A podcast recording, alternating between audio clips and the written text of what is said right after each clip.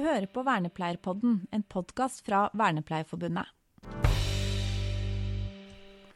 Da er vi på igjen. Det er vi. Ja. Da, nå hørte jeg deg, Oliver. Ja. Oliver Hoksrud. Her sitter jeg, Bjørn Harald Iversen. Og vi har fått besøk. Det har vi. aller første besøket i Vernepleierpodden. Og hvem er det vi har på besøk? Vi har på besøk Britt Evy Westergård. Ta-da! Yeah!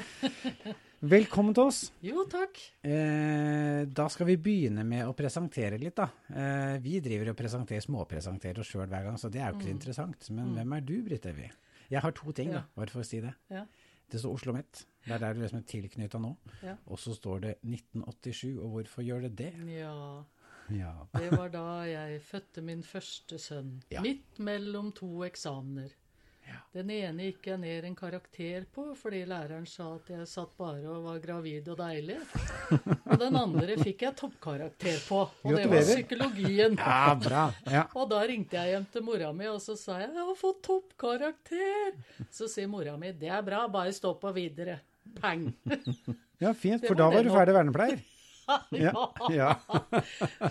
Ja da, det, det blei jo ferdig, da. Ja. blei jo i ammetåka, så blei jeg jo ferdig. Så min eldste sønn er med på bildet til, til klassen på eh, Oslo-skolen, som jeg da gikk på. Ja, for det var den gangen som Oslo-skolen og Akershus-skolen var to skoler. Ja, Ja. det var det. Mm. Jeg tror vi var eh, Jeg veit ikke om det var oss eller kullet etter, altså 88-kullet, som var det siste på Mm. Oslo-skolen. Mm. Og da kommer vi inn på tema, for vi skal ha et lite tema. Vi kjører sånne 17-20 minutters eh, små snutter av episoder, men temaet vårt er ganske stort, så vi får se om det blir ett eller to, eller ja, hva som det blir. Men temaet vårt som jeg har invitert deg til å snakke sammen med oss om, er vernepleierens identitet og historie. Det er ikke noe småtteri. Nei, det er ikke småtteri. og det veit ikke jeg om jeg kan svare på, men nå har jo vi vi har jo, Og jeg bør ikke svare på det heller eh, her, fordi jeg tenker at det er jo, det er jo summen av mye. Ja. Det er jo summen av så Og det, det handler jo veldig mye også om eh, om eh, hvordan du oppfatter deg sjøl Ja. og din egen kompetanse. Sant? En ting er jo hva, hvordan andre, altså samfunnet, forstår vernepleierkompetansen. Eh, og sjølve bare Altså, navnet har jo vært diskutert siden eh, dagens begynnelse, holdt jeg på å si. Ja, jeg, jeg, var jo, jeg har 25-årsjubileum, det har jeg sagt før. Men vi, vi snakka om begrepet oligonom. Det var et, et begrep når, ja. i min utdanningstid. Og Jeg kjente jeg hadde jo ikke lyst til å bli oligonom, så jeg er helt fornøyd med å bli vernepleier. herregud. Ja, nei, det hadde jo vært helt husker du det? vilt. Ja. Ja, men det er jo helt vilt, for det har jo basis i, i en av de første eh, diagnosebeskrivelsene av folk med utviklingshemming. Ja. Så, så det er jo helt sinnssykt. Ja. Men, men da du sa det veldig riktig, vi kan ikke, vi kan ikke påta oss å liksom si hva dette her er, men vi kan begynne å drodle. Det er Ja. det vi egentlig er her for nå. Drodle om dette med identitet og his historie. Kan vi ha jo noen årstall og sånn som vi kan kose oss med. Men, eh, men eh, ja. Hva legger du i Men du, vi har, vi har jo snakka litt sånn på veien og fram til vi er her nå, så, så jeg eh, syns vi kan starte ja, med Du presenterte for oss her nå det som er vernepleiens historiske ideologigrunnlag. Sa jeg det riktig? Mm. ja, Kan du ikke på en måte ta noen høydepunkter av Jeg ser at det er sju-åtte punkter der. ja, Ikke sant? Når, du, når jeg kikker på dem, så jeg kjenner meg igjen. ja. Ja. Og det er jo noe som har vært egentlig helt fra eh, Altså fra 50-tallet. Hvor, eh, hvor eh, Mr. Munch, eh, altså Ole B. Munch, så behovet for en Han kalte det en, humanise, nei, en humaniseringsprosess. Altså 49. Ja. 1949 så sa han det en tilnærming mot klientsentrert omsorg, sa han det. Er vi i mål? Hæ? Vi er vel ikke i mål ennå, egentlig? Nei, nei, det er det vi ikke er. Men egentlig altså det å stå på brukerens side, det burde jo aldri være noe tvil om at det er det vi skal. Eh, og det her med normalisering av levekåra. Og, men eh, Ja, og det kunne vært sagt så mye om. Jeg, jeg har lyst til å ta en liten side, sidevei akkurat med en gang når det gjelder det. Og det er fortalt av min gode venninne Toril Heia, som har Downs syndrom. Vi er like gamle, Toril og jeg, så vi, er, vi kan jo sammenligne litt sånn eh, livsløpet vårt. Og nå står jo jeg i en livsfase hvor jeg tenker nå er jeg ferdig med barnepass, jeg er ferdig med ditt, jeg er ferdig med natt, jeg har sertifikat, jeg kan kjøre hva jeg vil. Jeg kan gjøre hva jeg vil. Jeg tjener bra, syns jeg. Ja. Og jeg kan reise hvor jeg vil, og jeg kan møte hvem jeg vil, når jeg vil. Gratulerer. Stort sett. Ja. Ikke? Ja. Full frihet. Ja. Og så sier Toril til meg Britt Evy, jeg skulle ønske at eh, jeg kunne eh, komme meg mer ut, sier hun. Der hun bor, så er det bare én person som har kjøpt seg bil. De andre kommer seg ikke ut. Kan ikke få reist på tur, f.eks. Nå som det er så godt og varmt, får ikke reist og bada. Eh, ikke sant? Her Altså, sitter vi, for fordi- orientering så sitter vi litt sånn småsvette, for det er ganske Ja. varmt ute. Ja. Ja. Og, og fordi at det er Da må de skrive seg opp på en liste i kommunen for å låne en bil som skal deles på x antall eh, både boliger og sykehjem, tror jeg. Og eh, sånn som når Toril og jeg samarbeida om å skrive boka 'Venner', så hendte jo at vi festa litt i Oslo, da. Så hun tok jo siste toget hjem. Og da kunne jo ikke personalet reise på stasjon for å hente henne. Da måtte, altså Det er klart du kan ta taxi, da, men da går et TT-kort, ikke sant? Ja. Eller en sånn, ja. Eh, så faren måtte jo reise og hente henne. Nå er faren hennes dessverre død, og det merker Toril og jeg. Fordi at hun kommer seg jo Unnskyld. Altså, hun kommer seg ikke ut. Ja. Så det er det der normalisering av funksjonshemmedes levekår. Nei, vi er slettes ikke i mål. Men det var jo noe som virkelig blomstra opp eh, på 80-tallet. Ja. Integrering på brukernes premisser. Jeg husker jo På 80-tallet så diskuterte vi begrepene integrasjon og integrering. Ja. Altså forskjellen på det. Jeg vet ikke om du husker den diskusjonen, Bjørn Harald? Jeg tror jeg husker den, jeg klarer ikke å liksom gjengi den. Sånn at det, Vær så god, Britt Evy. Har du, har du vært eh, borti den, Ole? Jeg var vel rundt 14 år når det var, så Ja. jeg var Men jeg tenker i det, den utdanninga du har vært ja, gjennom nå. jeg har hørt noe om det, men Ja. jeg tør ikke å uttale meg med full sikkerhet. Nei, for inte, integrasjon Altså integrering var jo veldig mye sånn knytta opp til at, eh, at eh, de skulle Altså hadde du en funksjonsnedsettelse, så skulle du integreres Ja. i, i klassen sammen med de andre. Du skulle integreres i eh, idrettslaget sammen med, med alle de andre, ikke sant? Eh, mens integrasjon, det handler jo om at du føler deg som en av de mange. At du er på lik linje med de andre. At du er, eh, at du er inkludert fullt og helt. Ikke sant? Og der, dette, det handler jo veldig mye om holdninger. Eh, og, og synet vi har på hverandre. Eh, og der mener jeg også vi har masse igjen å, å gjøre. Ja. altså. Ja. Det, det tror jeg vi er helt enig i. Ja, det. Og så går det jo på Og det, nå begynner vi å nærme litt sånn Kanskje litt sånn atferdsanalytisk tenkning.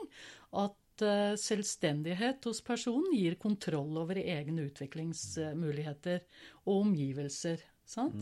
At da har du en selvstendighet. Men så har jo det her med selvstendighet fått et annet perspektiv, syns jeg også, som er viktig å trekke inn. Som har kommet mer fra sosial modell, som handler om at eh, Sjøl om du ikke klarer å gjøre alt, så skal du ha noen til å hjelpe deg til å gjøre det. Og da har du likevel kontrollen. Ja, Sant? ja. Og, og det perspektivet er viktig å trekke inn i forhold til f.eks. For det her med selvbestemmelse, medbestemmelse og brukerstøtte, som vi Ja. Heller beslutningsstøtte, mener jeg. Ja, for det er et nytt begrep som jeg tror at Ja. vi skal ha en egen eh, sending om. For det er på en måte, det er veldig sånn Ja. Det er litt nytt, relativt nytt, og, Mm. og, og kanskje ikke helt fylt med godt med innhold enda for alle, i hvert fall. Nei, jeg har et veldig godt eksempel, men vi får ta det seinere. Ja. Eh, desentralisert, ja, det står der. det står der. Ja. Og det er ganske interessant i disse tider hvor man eh, da bygger eh, helsehus. ja. Relativt eh, gigantiske helsehus. Ja, og jeg tror Trondheim eh, I 2004 så reiste 2005 så reiste jeg ganske mye rundt i Norges land. I forbindelse med at jeg var eh, Jeg drev et eh, nasjonalprosjekt som sammen med Frode Kipskår Larsen, som het, som het eh, utviklingsprogrammet Aldring hos mennesker med utviklingshemming. Og jeg glemmer ikke Vi kom til Trondheim, eh, og så kommer eh, personalet bort til meg og sa det at eh, Du, hva skal vi gjøre? sa eh, nå har jeg, jeg jobber i en bolig. Der bor det tre eh, personer som flytta inn, det, inn, i den boligen eh, i forbindelse med reformen. Mm. Og så sa han nå har hun fått beskjed om av kommunen at de skal flytte inn på helsehuset. Eh, og helsehuset var jo da med eh, Det var med fysisk, folk med fysisk funksjonsnedsettelse i første etasje. Og så var det i annen etasje folk med demens, men uten uh, utviklingshemming.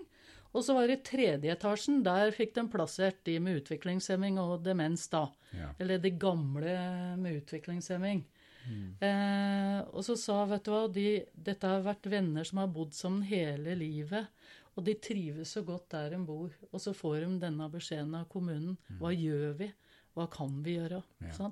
Og jeg veit jo at NFU har jo hatt masse sånne saker. Mm. Og Hedvig, som er jurist der, og som nå jobber som leder der, er jo hun, Det er jo de som kanskje har mest kompetanse på det i, i Norge. Mm. Mm. mm. Men desentralisering er jo virkelig et hot tema fortsatt. Ja. Ja.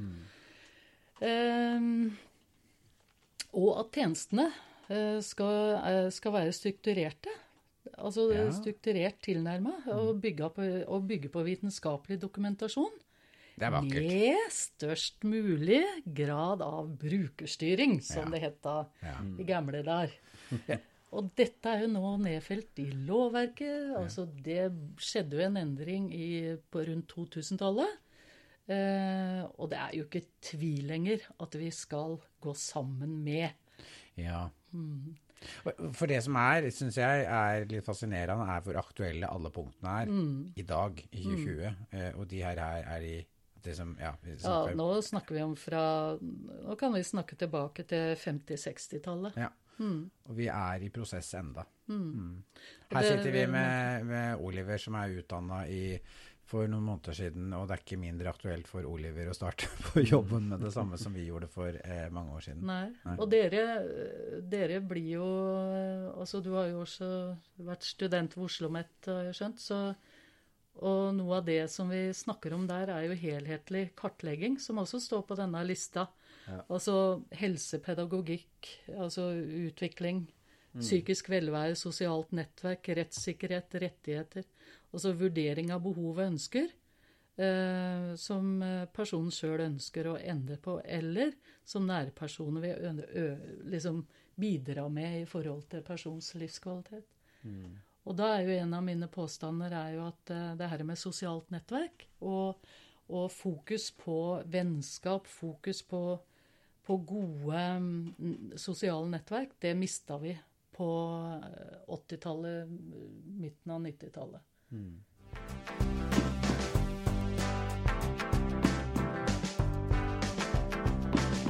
Er det tema, saker eller andre spørsmål du vil Vernepleierpodden skal ta opp, kontakt oss på Facebook. Jeg har jo mye rart eh, for meg, og blant annet eh, en av de tinga, det er jo å følge med på amerikanske podkaster om uh, nyremedisin. Uh, og der Og, inni, og der, der, der, traff du liksom essensen av vernepleieryrket. Det er ganske kult. Ja, det er ganske morsomt. ja. Fordi, uh, og da kjente jeg meg igjen med en gang, og så tenker jeg ja, men det er profesjonalitet. Fordi at dette var en lege som uh, Hvor bakgrunnen hennes var at hun var blitt født med en, en, en risiko for en, eh, ja, forskjellige ubalanser og sånn pga. medisiner som mora hennes hadde tatt under svangerskapet. Men hun utdanna seg til lege, og, men under eh, sin egen behandling så hadde hun opplevd den eh, Ja, altså at legene var eh, gode eh, på å tilby behandling og sånn, mm. men de, de klørte ikke det med det relasjonelle. Sant? Så sa de at da svikter vi helt, egentlig. Fordi at det du gjør da, det er jo utelate veldig store deler av den personen du faktisk ønsker å hjelpe. Ikke sant? Du ser ikke hele mennesket. Og du, du åpner heller ikke de dørene som gjør at du får den informasjonen som du trenger for å si at her har vi forskjellige muligheter, ut ifra hva du har fortalt meg nå. Og det som, eh, det som kom fram, var Og jeg kjenner det så godt igjen. og jeg, jeg jubla når hun sa det. Hun sa først må vi lytte. Vi må lytte. Og så må vi respektere. Ja. Å respektere, det handler om å se en gang til. Det er det det betyr. Altså respektere. Det betyr se en gang til. Ehm, og så handler det om å gå sammen.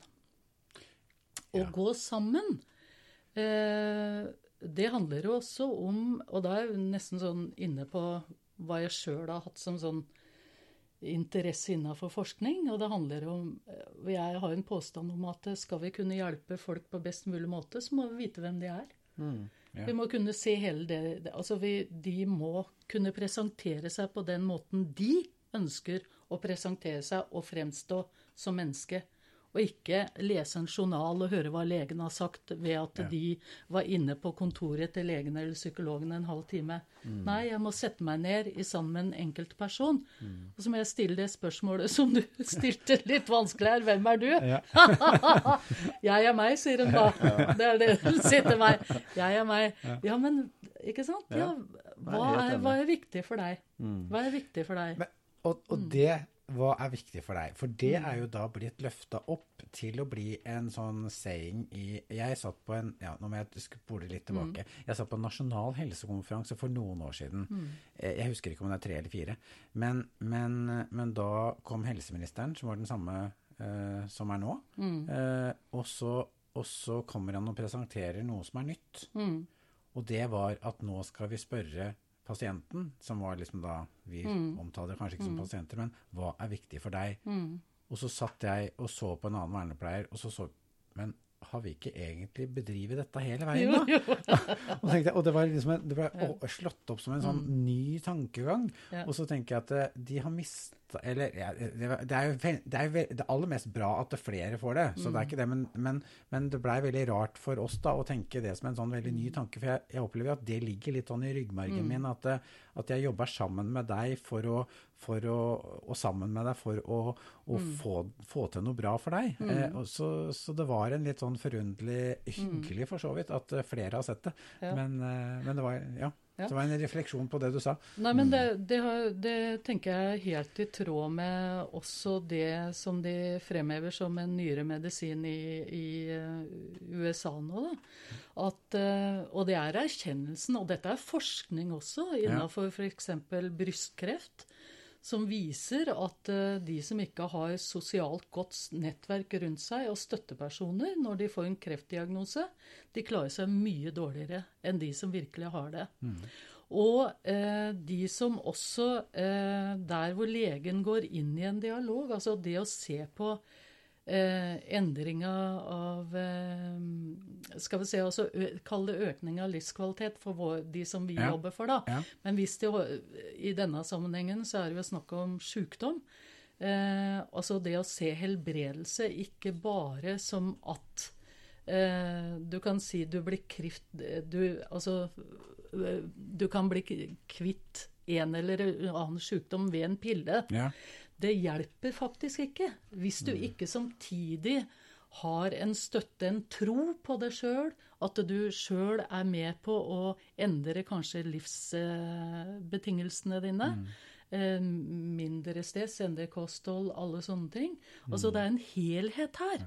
Og det er nettopp den helheten der vi må nødt til å få tak i. Ja, og det er den helheten jeg lurer på om vi skal ta i neste episode. Ja, fordi Men jeg har lyst til å oppsummere. Ja, det, det skal vi også. Så, for, for vi, vi, her går samtalen unna, og den går fort.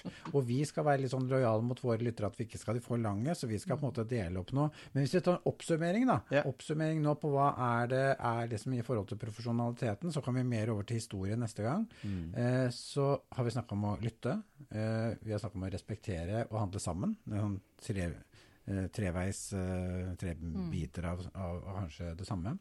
Eh, og så har vi snakka om det at, at vi er, det er en vesentlig bit at vi er med på å øke livskvaliteten til de vi jobber for. Det er sånn Er vi enige om den oppsummeringa? Ja. Sånn Ja, og så er det eh, noen sånn helt sånn tydelige ting som vernepleiere må kunne. Ja. Og det er eh, etikken sin. Ja.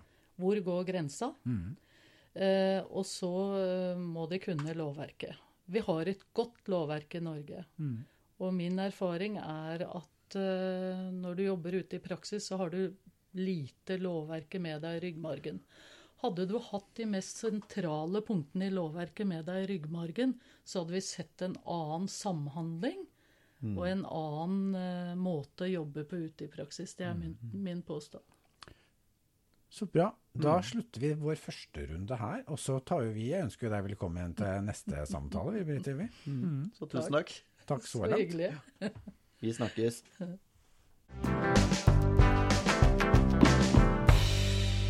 Du har nå hørt på en podkast produsert av Vernepleierforbundet med støtte fra Gjensidige Forsikring.